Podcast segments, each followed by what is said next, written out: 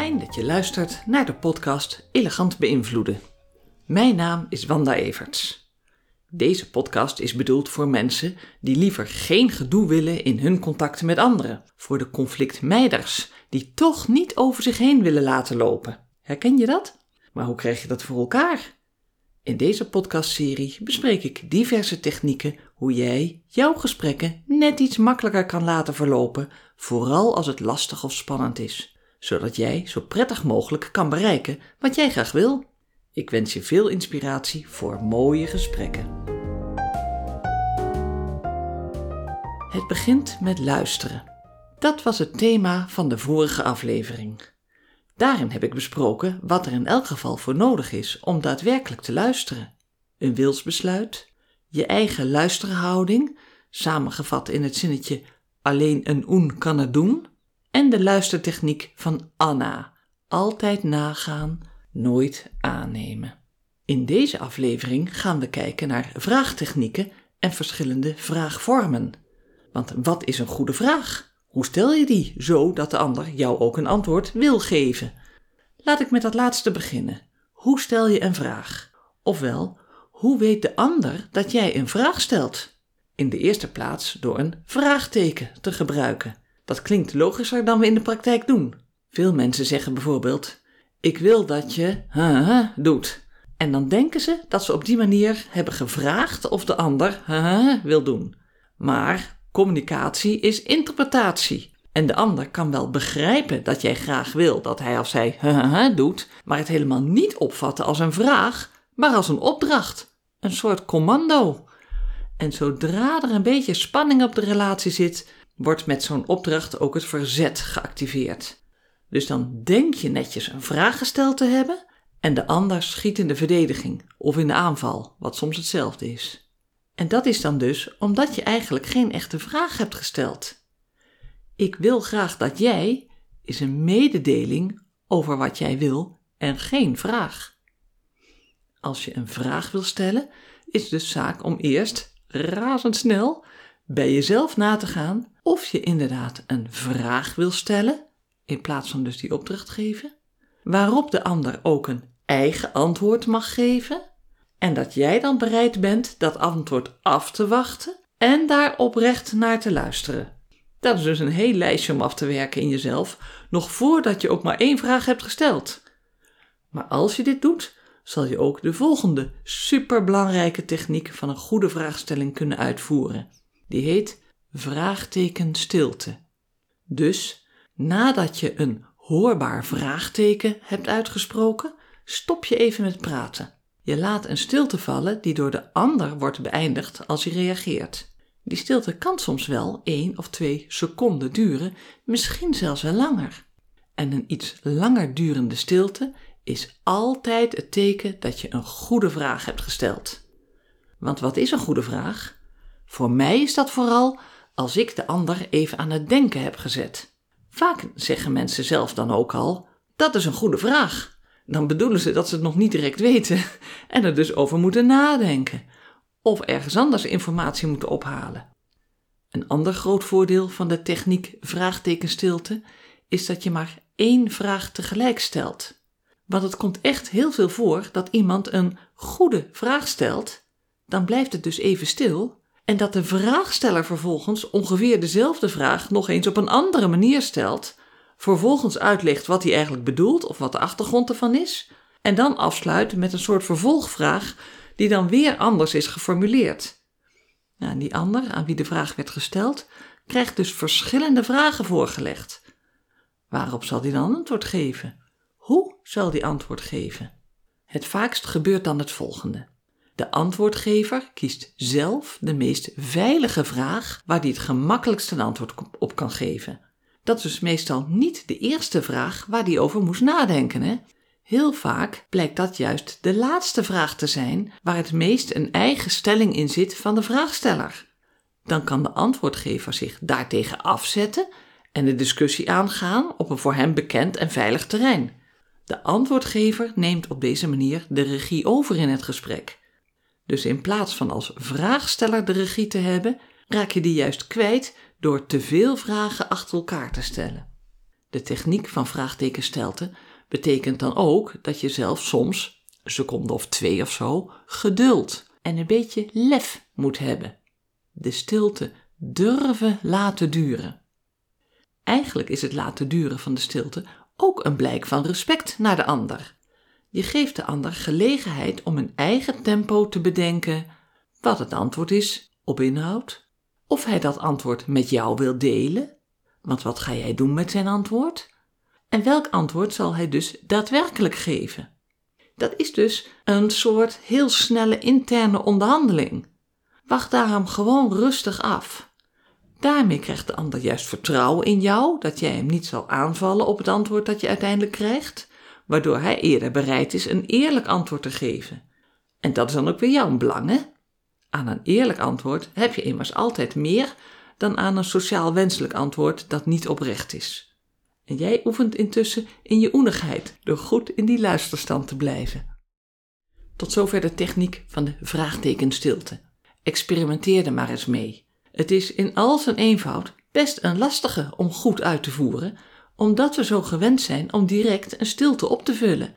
En ook omdat we gewend zijn om meer vragen achter elkaar te stellen in de hoop duidelijk te maken wat we willen weten.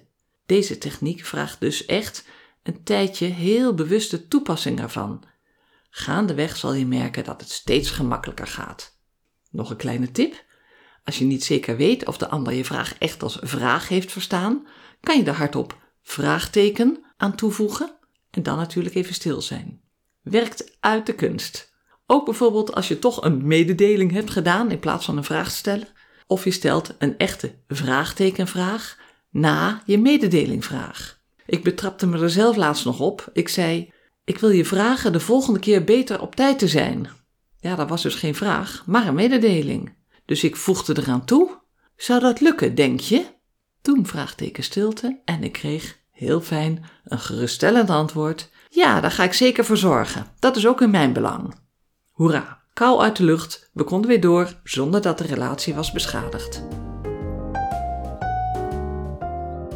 Vaste vraagpatronen. We zijn allemaal al gewend om vragen te stellen zolang we kunnen praten. En gaandeweg hebben we ook allemaal zo onze eigen set aan voorkeursvragen ontwikkeld. Weet jij eigenlijk welk soort vragen jij gewend bent om te stellen? Het hanteren van een ingesleten vraagsysteem heeft grote voordelen. Je weet namelijk, onbewust, vooraf wat voor soort gesprek je gaat krijgen. En omdat wij mensen er in het algemeen behoefte aan hebben om onzekerheid te vermijden, voelt een bekend patroon gewoon prettig, veilig. Ik geef je een voorbeeld van een bekend gesprekspatroon. Je komt in de supermarkt een bekende tegen. Je groet hem en je zegt: Hoe gaat het met je? En hij zegt dan: Goed hoor. En jij weer: Mooi zo. Nou, fijne dag verder, hè? Zo'n gesprekje voelt best goed, hè? Je bent gezien, je hebt even aandacht voor elkaar gehad en je kan thuis zeggen: Oh, weet je wie ik nog heb gezien? Ja, het gaat wel goed met hem, geloof ik. En de wereld klopt als dit gaat zoals je het verwacht. Nou, dan sta je toch wel even raar te kijken als iemand in plaats van goed hoor, reageert met: Nou, heb je even? Het gaat namelijk helemaal niet goed met me. En dan een heel verhaal afsteekt over wat er allemaal los is. Ja, dan weet je niet hoe lang het allemaal wel niet gaat duren. En dat is dus die onzekerheid. Je wil eigenlijk op tijd thuis zijn met die boodschappen. En je hebt nu dus eigenlijk een dilemma. Zal je nou bot of beleefd zijn? Je gedachten gaan alle kanten op en van oenig luisteren komt echt niet veel terecht. Herken je dat? Toch heb je die keuze, hè? Om aardig en geduldig te blijven luisteren tot het hele verhaal klaar is, of hem op de een of andere manier afkappen omdat je er nu echt geen tijd voor hebt of wil vrijmaken. Stel dat je niet wil kiezen om het hele verhaal aan te horen, daar in die supermarkt, hoe kap je dan op een aardige manier af, zodat de ander niet gekwetst wordt en jij toch kan vasthouden aan je eigen programma? Ik geef je een suggestie kan je naar eigen inzicht toepassen of aanpassen. Bijvoorbeeld als je zegt: Joh, wat een nare situatie voor je. Maar moet je horen, op dit moment heb ik eigenlijk een beetje haast met die boodschappen en zo. Dus dit is eigenlijk voor mij niet het goede moment. Mag ik je bellen of zullen we afspreken met een kop koffie erbij rustig bijpraten? Dan hangt het van jullie relatie af hoe concreet je het maakt. En natuurlijk moet je belofte wel nakomen als hij zegt: Oh ja, graag. Dat hoort er ook bij. Vraagvormen. Wie vandaag dezelfde vragen stelt als gisteren, krijgt vandaag dezelfde antwoorden als gisteren. Er is dus ook een nadeel aan steeds dezelfde soort vragen stellen en hetzelfde soort gesprek te voeren. Je vergeet bijvoorbeeld Anna, A-N-N-A, altijd nagaan, nooit aannemen, waar ik het de vorige aflevering over had. Omdat je dan al te gemakkelijk aanneemt dat je geen bekende vraag hoeft te stellen, omdat je het antwoord al kent. Of omdat je stopt met luisteren naar een gegeven antwoord, omdat je het antwoord al kent. Daarom zal ik hier een aantal vraagsoorten bespreken. Nou, ik neem dan toch aan dat je deze meestal wel kent en soms ook wel gebruikt, maar misschien niet zo vaak als je denkt. Mijn uitnodiging aan jou is daarom om vooral eens wat meer te variëren. Weer, experimenteer ermee en kijk wat er gebeurt bij je gesprekken als je zo af en toe eens een ander soort vraag stelt. Niet alle vraagsoorten zijn geschikt om op elk moment of in elk gesprek te stellen. Dat blijft maatwerk, door jouzelf in te schatten. Timing is vooral ook belangrijk. Sommige vragen lenen zich niet om mee te beginnen, maar kunnen heel goed wat verderop in een gesprek worden gesteld. De meest toegepaste vraagsoort is de gesloten vraag. Dat is de vraag waar maar één antwoord op past. Bijvoorbeeld een ja of een nee. Wil je koffie? Is zo'n gesloten vraag. Heel handig natuurlijk als je net naar het koffieapparaat loopt en je wil weten of je ook voor die andere koffie zal meenemen. Als iemand eigenlijk liever thee of gewoon koud water wil, is het al een iets lastiger vraag. Dan past beter de meer open vraag. Wil je iets drinken? Of kan ik iets te drinken voor je meenemen? Hoewel die laatste vraag technisch een gesloten vraag is, ja of nee, maar in de praktijk wordt die altijd wel verstaan, geïnterpreteerd als een open vraag. Gesloten vragen stellen we heel gemakkelijk omdat in onze grammatica een vraagzin wordt gevormd door te beginnen met een werkwoordsvorm. Wil je koffie? Ga je mee? Werk je op woensdag? Zullen we een afspraak maken? Elke vraag kan met een enkel ja of nee worden beantwoord. En dan wordt het hard werken om er nog een beetje een gesprek van te maken. Weer, als er geen spanning op de relatie zit, zal dit echt geen moeite kosten. En dan gaat de ander gewoon vertellen. Maar als er wel spanning is, dan kan de ander besluiten zo min mogelijk te willen zeggen. En dan wordt een gesprek voeren echt hard werken. Dat gaan we dan direct de ander, die stille zeg maar, ook kwalijk nemen. Dat gebeurt namelijk bij spanningen. En zo ontstaat opeens een soort conflictrelatie. Niemand wil het en het gebeurt toch. Gesloten vragen zijn trouwens wel heel handig als je gewoon concrete informatie wil hebben. Dat kan variëren van wat wil je op je boterham tot wie wil je uitnodigen voor dat gesprek of welk budget is daarvoor beschikbaar. Ik noemde het al, er zijn ook open vragen. Die nodigen uit om helemaal naar eigen inzicht een antwoord te geven. Het opmerkelijke is dat we veel minder open vragen blijken te stellen dan we zelf denken. Dat komt vaak doordat we, zoals gezegd, vaak eenzelfde soort gesprekken voeren.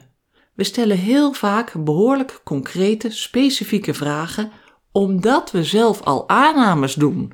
Al denken we dus dat dat enorm meevalt. Als vuistregel geldt: vragen die over de toekomst gaan, worden vraag gemakkelijker een open vraag dan als het over het verleden gaat. Je kan natuurlijk zelf de toon bepalen van je vraag maar op onbewust, automatisch niveau bepalen onze hersenen vanzelf al de toon die je eigenlijk zelf passend vindt. Of er echte belangstelling is, of misschien toch een onderhuids verwijt. Als je niet zo gemakkelijk goede open vragen weet te stellen om een gesprek mee te openen, dan heb ik hier een paar gemakkelijke algemene vragen. Waarmee kan ik je van dienst zijn? Wat brengt je hier?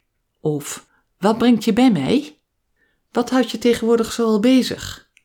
En dat klinkt dus wel anders dan: waar ben je toch allemaal mee bezig? Dus let goed op je toon, hè? Misschien heb je zelf ook wel een paar ideeën die beter passen in jouw leven. Je kan er in elk geval over nadenken wat voor jou goede openingsvragen zijn, waarmee je op een veilige manier de ander aan het vertellen krijgt. En natuurlijk ben jij dan altijd bereid om oenig naar het antwoord te luisteren. Er zijn ook vragen van een heel andere soort, die tegelijk open of gesloten kunnen zijn, maar die door de inhoud ervan toch met een andere lading worden geïnterpreteerd.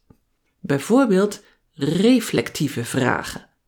Dat zijn vragen die uitnodigen om bij jezelf naar binnen te kijken, om te beschouwen wat er speelt, hoe een situatie is, of wat je eigen aandeel is, of juist dat van een ander. Minder feitelijk beschrijvend dus, meer op gevoel. Ik geef hier een paar voorbeelden. Hoe is het voor jou om met deze collega te werken? Wat heb je nodig om weer werkplezier terug te krijgen? Hoe zou het voor je zijn als het probleem zou worden opgelost? En hoe heb jij toch voor elkaar gekregen om hem zo op de kast te jagen? Voor dit soort vragen heb je wel een zekere veiligheid in je relatie nodig. Die kan je organiseren door heel oenig te zijn en vooral door heel veel luisterbereidheid te tonen met echte interesse. De ander wil eerst overtuigd raken van jouw integriteit en dan zal er openheid komen en de bereidheid die met je te delen. Veel mensen vinden het best lastig om dit soort best persoonlijke vragen te stellen, want afwijzing is een mogelijk risico en dat doet dan wel echt zeer. Aan de andere kant, als je dit soort reflectieve vragen op de goede toon en met de oprechte intentie stelt, zijn ze onweerstaanbaar. Zoveel aandacht krijgen is namelijk heerlijk. Dus probeer het vooral uit. Dit kan thuis ook tot heel mooie gesprekken leiden. Zoek dan wel een goed tijdstip uit, want als je halverwege het gesprek toch even iemand anders of je mobieltje belangrijker vindt, brokken je onbedoeld meer schade. Eerst het wilsbesluit om te luisteren en dan oenigheid is ook thuis van groot belang. Ik ken een collega-mediator die in zijn opleiding had besloten om elke dag tenminste één reflectieve vraag te stellen, om het zichzelf te leren. En daar heeft hij ook veel van geleerd, zo vertelde hij mij. Zowel om daar het goede moment voor te kiezen, maar vooral om moed te vatten en dit soort vragen te durven stellen. En steeds was hij verrast hoeveel fijne, verrassende en mooie gesprekken daardoor ontstonden. Vaak ook merkte hij dat hij stiekem toch ook een soort vooroordeel over iemand had. En dat hij na dat mooie gesprek een heel nieuw beeld had gekregen. Mooier, dieper, interessanter en vooral heel veel herkenning en verbinding. Hij vond dat alleen al door consequent deze vraagtechniek toe te passen zijn leven was verrijkt. Hoe mooi is dat? Na de reflectieve vraagvorm kom ik op de hypothetische vraagvorm. Dat zijn vragen waarbij een niet of nog niet bestaande situatie wordt voorgesteld, die vervolgens kan worden onderzocht op haalbaarheid en bruikbaarheid, zonder dat het al realiteit is. Ze beginnen altijd met stel dat, of als nou eens, of hoe zou het zijn als. Dit soort vragen zijn heel erg helpend als iemand helemaal vastzit in het eigen denkpatroon en in de eigen overtuigingen. Ik denk bijvoorbeeld aan meneer de Jong in mijn coachingpraktijk. Hij zag er eigenlijk helemaal niks in om naar een coach te moeten, want met hem was niks mis. Gelukkig ben ik geen psycholoog, want van dat peutige leuter moest hij al helemaal niks hebben. Maar omdat zijn baas hem voor de keuze had gesteld om zich te laten coachen of dat hij naar een andere werkplek eh, had gemoeten, had hij besloten om mij dan maar te bellen. Hem zo aanhorend vroeg ik hem: Hoe zou het voor u zijn als we zo af en toe dan eens samen een wandeling gingen maken over de dijk of in het bos? En dat ze dan al wandelend een gesprek hebben over hoe het gaat op het werk, wat er goed en gemakkelijk gaat en hoe u dat zo voor elkaar krijgt. Zou dat wat zijn? Ik hoorde meneer de Jong even stil zijn en denken. Ik deed natuurlijk vraagteken stilte. En toen zei hij: Ja, dat lijkt me wel wat. Wandelen is altijd wel lekker. Maar ik kom niet als het de hele tijd regent hoor, daar heb ik echt geen zin in. Nou, daar kon ik hem dan weer op geruststellen. Laten we dan de dag van tevoren even contact hebben. En als er serieuze regen wordt verwacht, maken we gewoon een nieuwe afspraak.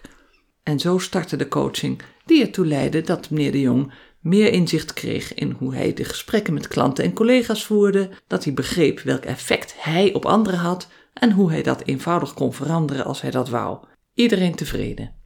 Nog even terug naar het begin. Wat gebeurde er bij hem na mijn hypothetische vraag en wat deed die vraag bij hem? Ik schetste een situatie die hij zelf nog niet had bedacht. Wandelen. Met opzet maakte ik er echt een concreet plaatje van. De dijk, het bos en hoe het dan zou zijn. Gewoon praten over wat er goed gaat op het werk. Duidelijk iets anders dan waar hij kennelijk tegenop had gezien. En misschien denk je nou, ja, maar ja, je stelde wel drie vragen achter elkaar, hè? En je hebt ons net verteld dat dat niet handig is, omdat je moet stoppen met praten na het vraagteken. Dat klopt. Ik had kunnen stoppen na mijn eerste hoe zou het zijn als we gaan wandelen vraag. Maar ik weet dat als ik iets heel nieuws voorstel, het altijd even helpt om daar meer beeld aan toe te voegen. Dan hoeft zo'n meneer niet direct te antwoorden. Ik geef hem eigenlijk wat tijd om zich een nieuw beeld te vormen en te bedenken wat hij daarvan zou vinden. Daarom heb ik er die dijk of dat bos bij gedaan en ook iets van waar ons gesprek dan over zou kunnen gaan, namelijk wat hij al goed doet. Dat is een veilig onderwerp. En als ik dan afsluit met de vraag: zou dat wat zijn? Is dat niet een nieuwe vraag? Het is meer de herhaling van de eerste vraag, waar nu meer handen en voeten aan zijn gegeven, zodat meneer de Jong beter weet waar hij ja op zegt. Natuurlijk is het wel van belang om ook na te komen wat je zegt. Dus ik had inderdaad de dag tevoren even appcontact om samen te constateren dat er geen regen werd verwacht en dat de wandelafspraak dus kon doorgaan. Trouwens, aan het eind van ons wandelgesprek stelde ik hem wel de reflectieve vraag hoe het voor hem was geweest om lekker buiten te wandelen onder werktijd. Het was namelijk prachtig weer. En daar schoot hij van in de lach en zei dat het een prima idee was geweest van zijn baas om zich door mij te laten coachen. En ik was blij dat ik mij aan de telefoon op tijd had herinnerd hoe effectief die hypothetische vraag is. Heel handig zijn ook de controlevragen, ook wel de Anna-vragen genoemd. Het klinkt misschien wat streng, controle, maar dat is het juist niet. Want Anna, ik zeg het nog maar een keer, staat voor altijd nagaan, nooit aannemen. En een Anna-vraag is dus een vraag waarmee je je eigen aanname checkt. Klopt die wel? Ze klinken bijvoorbeeld zo. Dus als ik goed begrijp, zal jij vanmiddag deze klant bellen? En dan laat je dus even die stilte horen. Of, nog even voor mijn duidelijkheid. Zei je inderdaad dat je vanmiddag nog deze klant gaat bellen? Weer die stilte. Of, oké, dus jij belt vanmiddag deze klant. Klopt dat? Ook hier kan het helpen om heel duidelijk aan het eind van je zin het woord vraagteken te zeggen. Dus als ik het goed begrijp, ga jij vanmiddag deze klant bellen. Klopt dat? Vraagteken? Door dat vraagtekenwoord erbij te zeggen en te wachten op antwoord, maak je duidelijk dat je niet stiekem een opdracht geeft, maar dat je echt de ander gelegenheid geeft om daar ja of nee of iets anders op te zeggen. En als hij of zij dan inderdaad, ja, dat is goed, dat ga ik inderdaad doen, als hij dat zegt, ja, dan heb je hem of haar elegant beïnvloed naar het eigen genomen besluit om daadwerkelijk te gaan bellen. Een bijzondere vraagvorm nog is de zogenaamde aanbelvraag. Wat bedoel ik daar dan weer mee? Ik zei het al eerder, communicatie is een proces van zenden en ontvangen. Degene die wat zegt, op dit moment ik dus, spreekt of schrijft een bepaalde boodschap en de ontvanger, nu jij dus, bepaalt zelf of die boodschap wordt toegelaten en zo ja, hoe dan, met welke interpretatie. Maar soms is een zender nogal dwingend of opdringerig. Bijvoorbeeld als er luid met stemverheffing wordt gesproken, of als de boodschap inhoudelijk een zekere dreiging in zich heeft. Dan is het een beetje alsof een postbode op de deur bonkt, of zelfs de deur forceert en intrapt. Dat moment zal de ontvanger de neiging hebben om die boodschap die de postbode, de zender dus, brengt, weer buiten de deur te zetten. Inhoudelijk ontstaat er in elk geval verzet tegen die boodschap. En je begrijpt, met elegant beïnvloeden heeft deze manier van communicatie niets te maken. Maar hoe dan wel, als je toch heel graag jouw boodschap bij die ander wil krijgen, achter die voordeur als het ware? Nou, daar is dan dus die aanbelvraag voor. De vraag waarmee je netjes en beleefd bij de ander aanbelt en vraagt of je binnen mag komen. Als voorbeeld: Mag ik je een suggestie doen? Vraagteken stilte. Eventueel kan ik je er wel iets over vertellen. Wil je dat? Vraagteken stilte. Ik zou het er graag met je over willen hebben. Kan dat? Vraagteken stilte.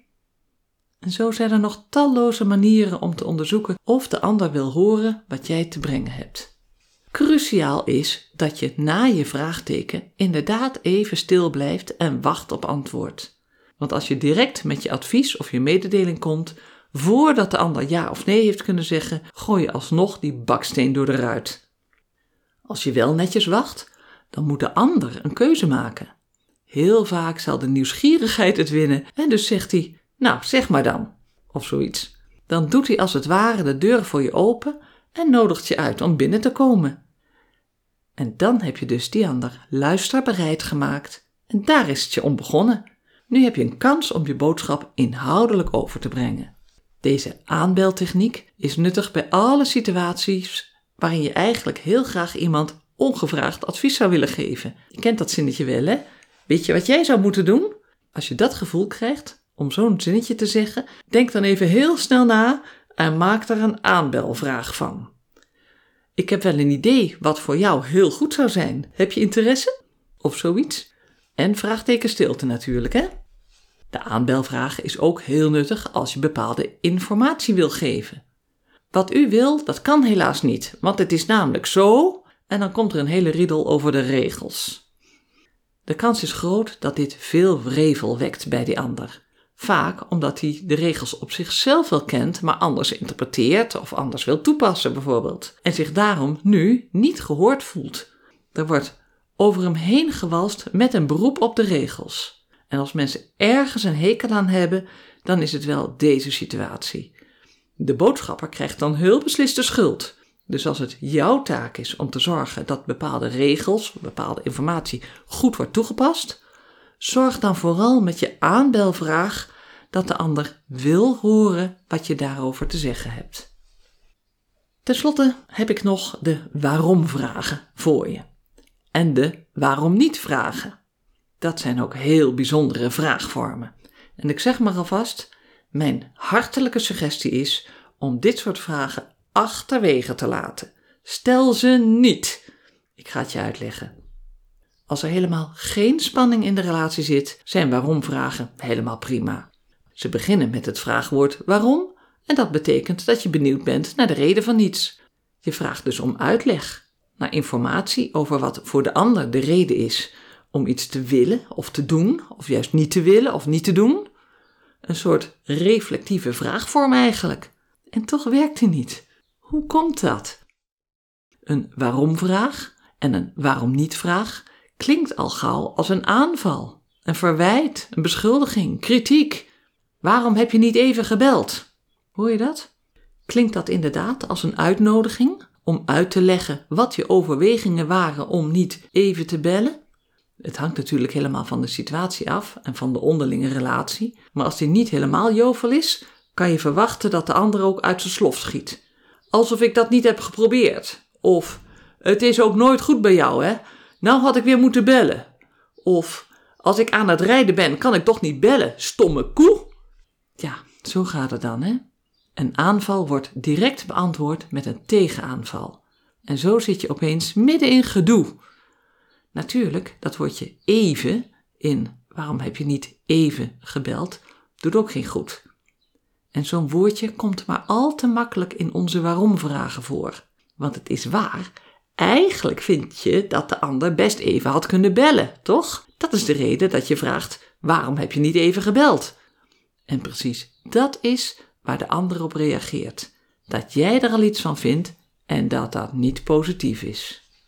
En dat is dan ook dus ook de reden waarom je echt liever maar geen waarom-vraag of waarom niet-vraag kan stellen.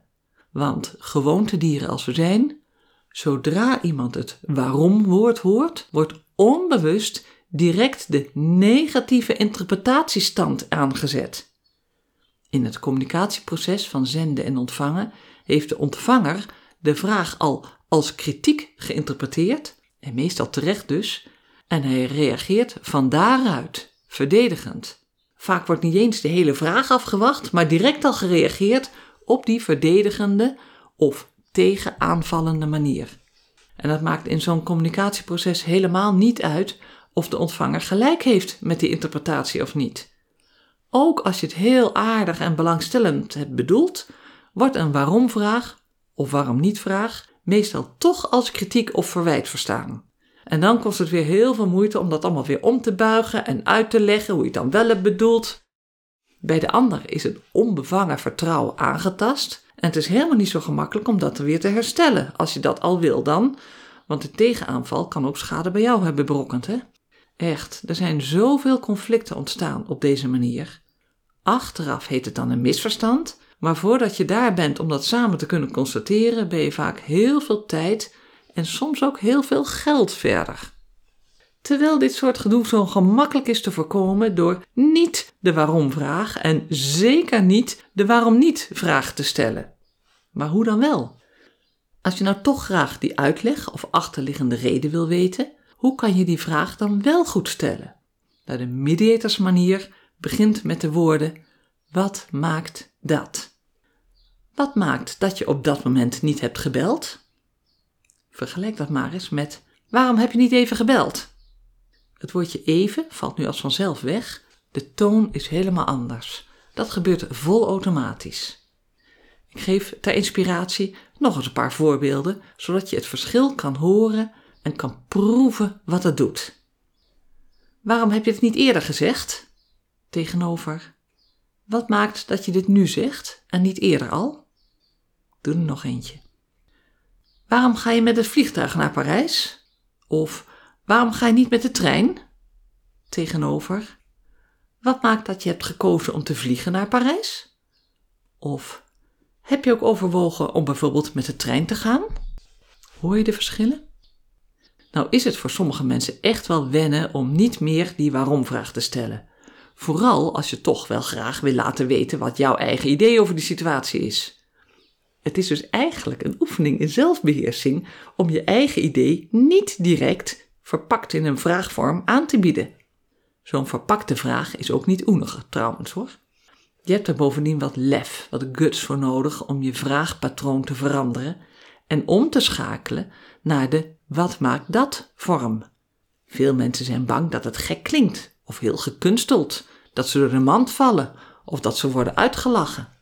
Nou, hier is de geruststelling. Probeer het maar met de technieken van de vorige keer. Dus eerst neem je wilsbesluit om te luisteren met de bedoeling om de ander te begrijpen. Dat is belangrijk, hè? Zet jezelf in de stand van de oen, open, met de open mind, eerlijk, zonder verborgen agenda, en nieuwsgierig, als in oprecht belangstellend. In die oenige stand kan je heel beslist op de goede manier een wat maakt dat vraag stellen. En zelfs als er door je onwennigheid toch een waarom vraag uit zou komen, kan je dat ter plekke repareren door eraan toe te voegen: Oh ja, um, ik bedoel eigenlijk, wat maakt dat? En dan je vraag. Op grond van je toon en lichaamstaal wordt je integriteit beoordeeld. Voelt je vraag veilig? Dan krijg je antwoord op de wat maakt dat vraag. Hiermee kom ik aan het eind van het onderdeel verschillende vraagsoorten. Aan de orde kwamen open en gesloten vragen, reflectieve vragen om naar binnen te schouwen, hypothetische vragen die beginnen met stel dat of als nou eens, controlevragen, wat ook wel de Anna-vragen zijn, aanbelvragen, de waarom en waarom niet vragen. En tenslotte de wat maakt dat vragen. Dus ik nodig je uit om hiermee eens te gaan experimenteren. En dat kan heel goed zolang je maar oenig blijft. Want wie vandaag dezelfde vraag stelt als gisteren, krijgt vandaag dezelfde antwoorden als gisteren. Ga maar eens op zoek naar nieuwe antwoorden. Laat me vooral weten hoe het je is bevallen om andere soorten vragen te stellen dan je gewend bent. Of als je nog vragen hebt, dan hoor ik die ook graag. Aan het eind geef ik nog een keer mijn mailadres. One-liner. Elke aflevering zal ik een korte quote of gedachte met je delen. Een zogenaamde one-liner. Deze keer: de kortste weg tussen twee mensen is een glimlach. Beïnvloeden, elegant of niet, gaat niet alleen over de band van gesproken of geschreven taal. Er is die heel belangrijke non-verbale kant aan communicatie. Zoals je kan horen hoe ik eigenlijk mijn gezicht hou zonder dat je mij ziet. Ik hou hem nu strak in de plooi. En nu breekt er een brede lach bij mij door. Hoor je wel? Voel je ook bij jezelf wat dat doet? Ik heb wel eens een oefening gedaan door op de fiets naar tegenliggers mijn meest uitbundige glimlach op te zetten zodra ik de ander in het gezicht kon kijken. En dan afwachten of de ander even naar mij wil kijken. En ja, de meesten doen dat automatisch. Het is heerlijk om te zien wat er dan gebeurt. Ik krijg bijna altijd een lach terug. Vaak ook met een groet. En natuurlijk groet ik dan terug. Het is een kort moment van verbinding met een onbekende. Kan je nagaan welk effect die glimlach heeft bij mensen die je kent, je collega's, je buren, je familie, je gezin. Een collega-ondernemer heeft een heel succesvol acquisitiebedrijf. Zij belt dus in opdracht naar haar onbekende mensen om te kijken of een afspraak gemaakt kan worden met haar opdrachtgever. En zij vertelde mij hoe zij naast haar beeldscherm altijd een spiegeltje heeft staan, zodat ze zelf kan zien hoe haar gezicht staat tijdens het telefoongesprek, omdat de ander aan de telefoon altijd kan horen hoe ze kijkt. En ze heeft een plaatje met een glimlach-smiley ernaast. De spiegelneuronen in haar hersenen maken dat zij zelf gemakkelijk de glimlach vasthoudt zolang het gesprek duurt. Een elegante, heel effectieve manier om eerst jezelf te beïnvloeden en daarmee ook die ander. Tot zover deze tweede aflevering van de podcast Elegant beïnvloeden. De volgende keer zal ik ingaan op wat er gebeurt als de communicatie spaak loopt. Gedoe, ruzie, conflict. Er zijn bepaalde gedragspatronen, gedragswetmatigheden, die bij ons allemaal ontstaan als we in conflict raken. Dat conflictgedrag beïnvloedt de manier waarop we dan met elkaar omgaan. Als je een aantal patronen leert herkennen, wordt het veel gemakkelijker om zo iemand op een elegante manier te benaderen en dus te beïnvloeden in de richting die jij graag wil. Ik hoop dat je dit een interessant onderwerp zal vinden. Tot dan! Helemaal leuk dat je hebt geluisterd naar deze aflevering van de podcast Elegant beïnvloeden. Dank je wel. Wil je hier meer over horen? Abonneer je dan op de hele serie. Dat kan heel eenvoudig. Klik op abonneren, volgen of subscribe. Ben je ook een lezer? Bestel dan het gelijknamige boek Elegant beïnvloeden via mijn website evertsmediation.nl en dat kan ook via bol.com of via managementboek.nl. Als je wilt reageren, en dat stel ik erg op prijs, doe dat dan met een e-mail. Ik hoor bijvoorbeeld heel graag welke onderwerpen jij nog graag besproken zou willen hebben in deze podcast.